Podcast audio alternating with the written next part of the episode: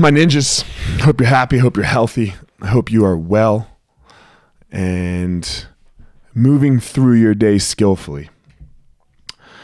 Um, big week last week, right? With the election, um, a lot of a lot of polarization, a lot of uh, negativity, positivity, all all in one. Um, I was talking with my friend Alex.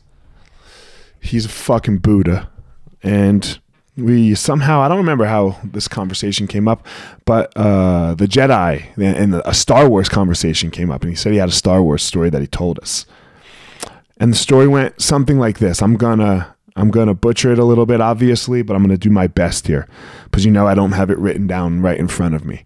Um, so the idea is that the Jedi and the, the whole Star Wars story is really uh, heavily weighted in Eastern Eastern religions. So uh, East East Asia, things like that, Buddhism, Confucianism, Taoism. Um, so this idea of the all good Jedi and the all bad Sith, they can't exist without each other. If the if the Sith were to die, then the Jedi would have to go away too. Because this idea that we have in our minds right now of all good and all bad, then one needs the other to exist. If, if there is an all good, then there must be an all bad. Where in actuality, you know, you have the the Anakin Skywalker Darth Vader character, who is the same person. And Anakin was supposed to bring balance to the Force. And in that process, he ended up bringing all of the chaos.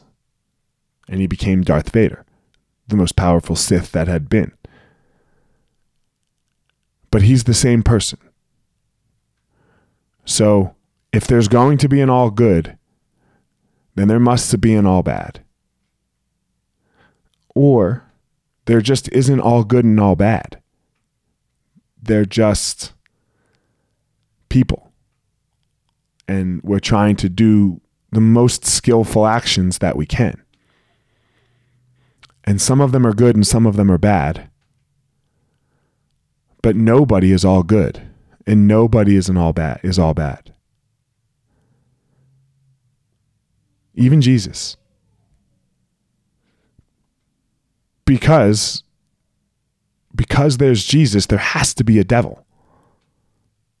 And maybe Jesus is the devil, all in one, just like Anakin Skywalker.